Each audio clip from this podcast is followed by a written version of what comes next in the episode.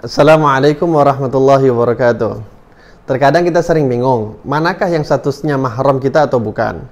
Oh iya, sebagai info, mahram itu maknanya orang-orang yang haram untuk kita nikahi.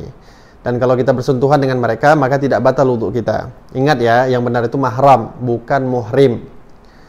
Nah, pada kesempatan kali ini kita akan menjelaskan siapa-siapa saja yang termasuk mahram kita. Kalau mau kita bagi, ada tiga pembagian orang-orang yang termasuk mahram kita. Yang pertama dari segi nasab, yang kedua dari segi persusuan, yang ketiga dari segi perkawinan. Kalau dijumlahkan mahram kita itu ada 18 orang.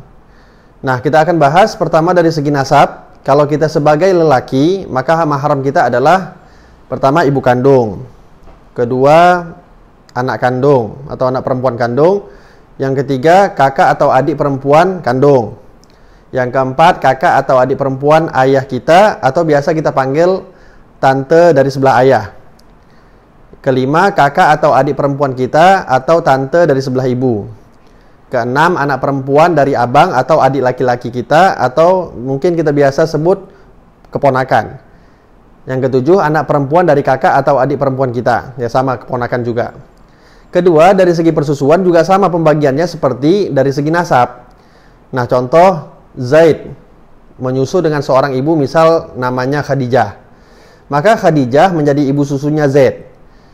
Khadijah mempunyai anak perempuan misalnya bernama Zainab. Maka Zainab pun menjadi mahramnya Zaid karena telah menjadi saudara perempuannya Zaid.